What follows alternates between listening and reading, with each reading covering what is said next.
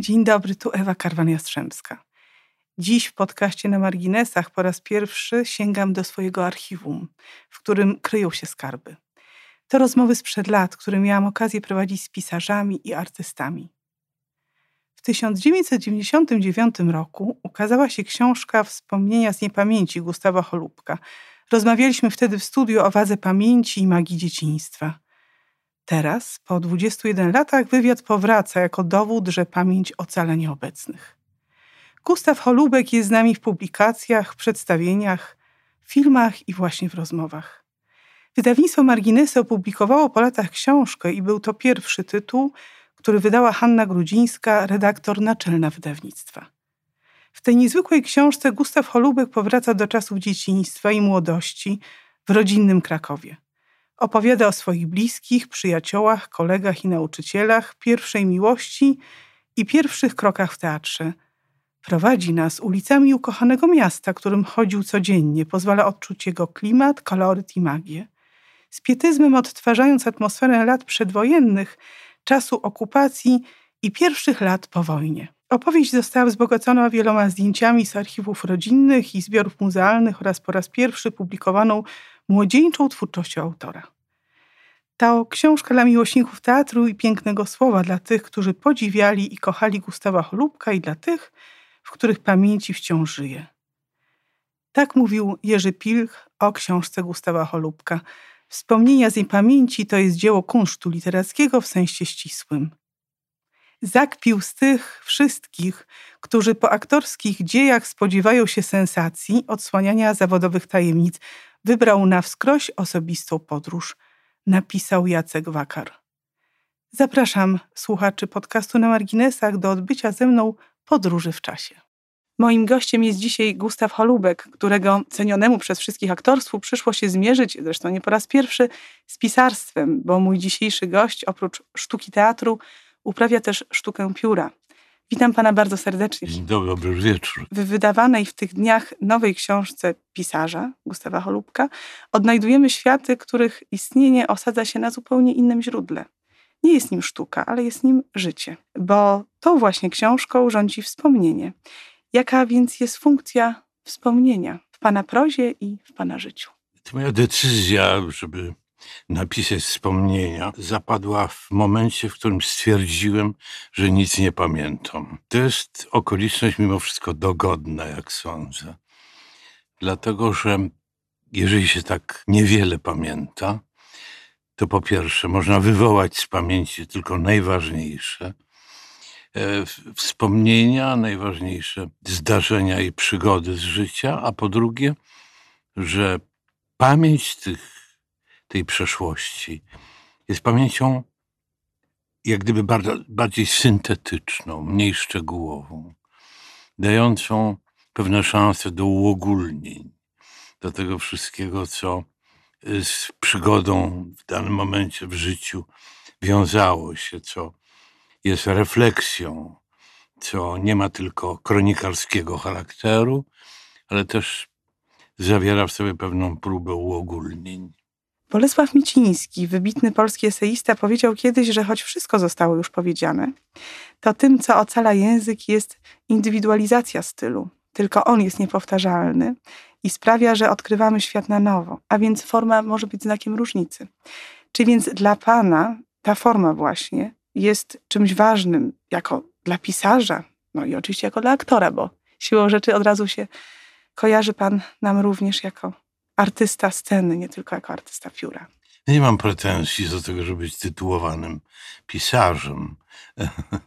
Jestem przede wszystkim aktorem i pozostanę nim chyba do końca. Natomiast rzeczywiście, no, przychodzi taki moment, w którym człowiek chciałby coś zanotować. Tym bardziej, że w naszym przypadku, w przypadku aktorów, następuje pewna dolegliwość. Dolegliwość polegająca na tym, że sztuka nasza jest niezmiernie ulotna. Teatr ma y, tę przewagę nad, jeśli można tak powiedzieć, nad tymi pozostałymi mediami, że zajmuje się literaturą. Przede wszystkim literaturą i to literaturą w najwyższym wydaniu. Dalej, i druga cecha, że w teatrze obcuje się na żywo z publicznością. I że ten kontakt, ta szczególna wymiana energii między odbiorcą a aktorem nie da się powtórzyć w żaden inny sposób. Musi być odbywana na żywo i między ludźmi, którzy się ze sobą porozumiewają w tym momencie i w żadnym innym. Dlatego teatr pozostaje tylko w legendzie, jeśli można tak e, nazwać pamięć teatru. Jest on w legendzie przekazywany tam z pokolenia na pokolenie, a potem w miarę upływu czasu całkowicie zanika. Pozostają tylko nazwiska, pozostają fakty i nic więcej. Natomiast jakość e, tego wydarzenia, które miało miejsce w związku z premierą teatru, całkowicie zanika. I otóż z tego między innymi powodu aktorzy sięgają za pióro, ale w moim szczególnym wypadku, w wypadku tej książki, o której pani mówi e, i pyta mnie tak łaskawie o to, cały dowcip polega na tym, że ja o teatrze prawie nic nie mówię. E, mówię tylko o swoim dzieciństwie, o młodości i kończy się książka w momencie wstąpienia do szkoły teatralnej. Natomiast cała reszta pozostaje w milczeniu. A to dlatego, że chciałem w tej książce pokazać drogę do teatru, nie sam teatr, ale drogę. Znaczy, co składa się na to, że jakiś młodzieniec, w tym wypadku ja, w końcu udaje się do teatru, obiera ten zawód. Jakie przyczyny składają się na to? Czy to jest sprawa jakichś tendencji przyrodzonych w człowieku, jakichś pragnień, czy też wpływa na to zbieg okoliczności, czy też jakaś szczególna wrażliwość. A po drugie, ponieważ to ta moja młodość i, i dzieciństwo upłynęło w mieście Krakowie, więc przy tej okazji mogłem coś powiedzieć o samym Krakowie, ale takim Krakowie, którego już nie można znaleźć w tej chwili, bo to jest Kraków przedwojenny, o zupełnie innym charakterze niż w tej chwili ma to miasto. I jeszcze jedna taka okoliczność, że mi się wydaje, że mm, moje pokolenie rozpoczęło życie i wchodziło w taką sferę świadomości przed wojną, jak to się mówi, który nazywamy w tej chwili okresem międzywojennym. I notacja tego okresu na ogół zawiera się w notacji historycznej, socjologicznej, czymś takim, e, co jest jak gdyby dokumentem tego czasu.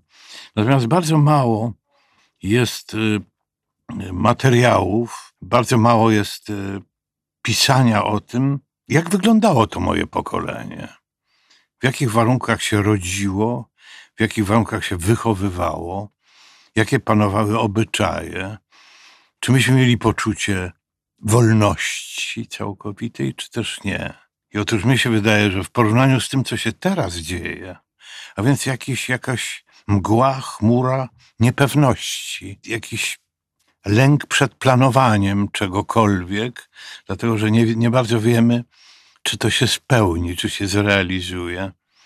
Nam wówczas, młodym ludziom, w ogóle nie towarzyszył.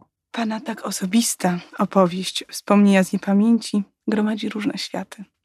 Słowa nanizane niczym spłowiałe koraliki na wytarty sznurek pamięci to słowa skarby, bo kryją w sobie wielką moc ocalania indywidualnej historii. Czytając Pana odnosi się wrażenie, że dużą rolę w Pana twórczym życiu odgrywa magia szczegółu.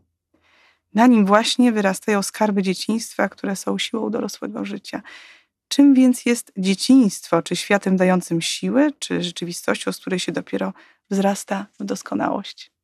Ja myślę, że dzieciństwo jest po prostu to trudno uciec od banału, bardzo ważnym okresem w życiu człowieka. Ono niewątpliwie pozostawia trwały ślad i w dojrzałości, kiedy już jesteśmy dojrzali i mimo, że tak rzadko wracamy do dzieciństwa, ten kod pierwotny, który został w nas zapisany, powtarza się aż do późnej starości. Powtarza się i ma ogromne znaczenie, kiedy zastanawiamy się nad kształtem naszego charakteru, dlaczego jesteśmy tacy, a nie inni. I wtedy dzieciństwo nam to w jakiś sposób tłumaczy, daje na to odpowiedź. Oczywiście żaden z nas, żaden człowiek nie kształtuje swojego dzieciństwa, ponieważ dzieciństwo ma to do siebie, że jest jeszcze poza świadomością, poza możliwością w ogóle kształtowania swojej własnej osoby. Robią to inni za niego, rodzice, szkoła, wszystkie okoliczności z tym związane. Tak więc można by było powiedzieć, że szczęśliwe dzieciństwo, dzieciństwo takie, powiedziałbym, zdrowe, które potem owocuje czymś wartościowym, jest wynikiem w ogromnej mierze szczęścia. Szczęścia, że się człowiek urodził z tych, a nie innych rodziców, że wychował się w tym, a nie innym domu, że odebrał taką, a nie inną edukację. Jaki wniosek z tego? Trzeba dziękować Panu Bogu, że tak się ułożyły losy. Nie ma w tym naszej zasługi.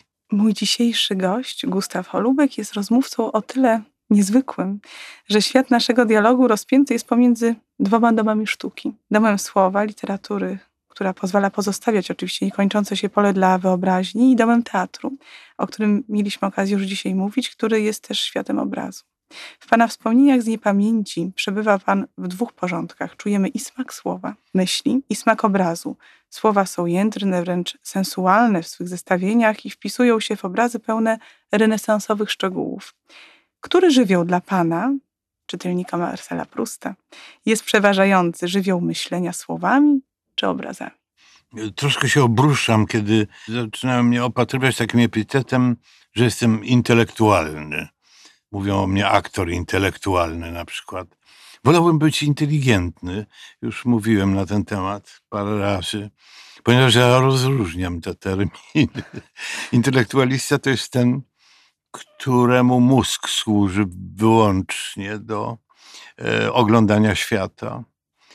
Natomiast inteligent to jest ten, który jeszcze używa do tego celu zmysłów, a więc tego wszystkiego, co jest konstrukcją emocjonalną. Wolałbym więc w związku z tym być inteligentny. Pyta mnie pani, co mną powoduje. No mam nadzieję właśnie, że zwłaszcza to, co dotyczy wspomnień, powodują mną zmysły, świat zmysłowy. I on właśnie rodzi obrazy. Taka jest chyba kolejność, że zmysły dyktują mi obrazy, łącznie nawet z kolorem tych obrazów. Nie tylko z kształtem, ale i z kolorem. To jest śmieszne, co powiem, ale ja jestem częściowym daltonistą, to znaczy nie bardzo rozróżniam kolory. I sam się łapię na tym, że przy przywoływaniu wspomnień zaczynam nagle je koloryzować, ubarwiać, dodawać im kolorów i to w dosłownym tego słowa znaczeniu. Może to jest taki rodzaj kompensacji za to, że w rzeczywistości słabo widzę kolory. Mylą mi się tam różne kolory, nie umiem ich czasem nazwać. Tak więc nawet i to bierze się bardziej ze sfery zmysłowej niż z dosłownej obserwacji. We wspomnieniach z niepamięci pisze Pan o pewnej granicy między światem realnym a światem wyobraźni. Myślę tu o tej szulcowskiej w znaczeniu pojmowania tajemnicy wędrówce na drugą stronę ulicy. Do świata, gdzie zmory i strzygi kryją się w pustych oczach okien. Ten obraz, z którego wyrasta niezwykły opis powozu, jego pasażerów, zdradza Pana skłonność i dar epickiego stylu. Czy nie myślał Pan o napisaniu powieści ze wszystkimi tego konsekwencjami? Nie, niech Pan był broni. Sądzę, że nie potrafiłbym tego zrobić. Chociaż, czy ja wiem, jak odejdzie ode mnie teatr już całkowicie, może najdzie na mnie jakaś niezdrowa ambicja, żeby napisać książkę, powieść, czy ja wiem co. No w każdym razie coś napisać. E, dopinguje mnie do tego w pewnym sensie e, takie wydarzenie, które miało miejsce przed paru laty. E, znalazłem się w Szwajcarii i tam odbywało się coś w rodzaju uroczystości na mój temat. Już nie pamiętam, co to było. Jakiś jubileusz czy coś takiego. Bez przerwy człowiek, im starszy, tym częściej obchodził jubileusze. I tam mój przyjaciel, świętej pamięci Andrzej Szczepkowski, E, był dla mnie niespodzianką przez organizatorów zorganizowaną. Mianowicie pojawił się, aby wygłosić laudację na mój temat. I zaczął od takich słów. Proszę Państwa, zebraliśmy się tutaj, żeby wyjaśnić pewne nieporozumienie. Pan Gustaw Holubek w ogóle nie jest aktorem. pan Gustaw Holubek jest pisarzem. To było zanim cokolwiek napisałem. On chciał po prostu powiedzieć o tym i mówił o tym, że e, moje granie na scenie jest czymś w rodzaju pisania roli niż tak. jej grania. No więc to mnie nie tylko pochlebiło mi strasznie, ale mnie zachęciło, żeby sprostać. Chciałabym panu bardzo podziękować za nasze dzisiejsze spotkanie. Bardzo dziękuję. To ja mm, bardzo dziękuję, że zechciała mnie pani zaprosić na rozmowę. Dziękuję raz jeszcze. Dziękuję bardzo. Fragment książki Wspomnienia z niepamięci przeczyta Gustaw Holubek. Jest taki stan ducha, który nazywamy błogością. Trudno go zdefiniować. Kojarzy się trochę z lenistwem, ale z lenistwem wiążą się wyrzuty sumienia z powodu bezczynności, straty czasu. Błogości one nie dotyczą. Przeciwnie, to swoiste uczucie nieważkości, obezwładnienia chciałoby się przedłużyć jak ładny sen, jak coś, co uwalniając nas od wszelkich obowiązków, niczym nie grozi, nie pociąga za sobą żadnych konsekwencji. Jest więc bliskie szczęśliwości. Nic tak nie sprzyja błogości, jak letni pobyt w górach. Może dlatego, że widzi się bardzo daleko, że patrząc na wznoszące się opadające wzgórza, dostrzega się dobroduszność ziemi, pogodną aprobatę dla wszystkiego, co ją pokrywa lasów, łąk, zbóż. A nawet kiedy pada deszcz, ziemia wygląda tak, jakby tylko na chwilę skryła się za ciemnymi chmurami, aby zachwycić niespodzianką, kiedy zroszona wodą, oczyszczona, wychyli się znowu w pełnym słońcu. To był podcast na marginesach. Dziękujemy za wysłuchanie. Znajdziecie nas na Spotify, Google Podcasts, Apple Podcasts i na stronie www.marginesy.com.pl.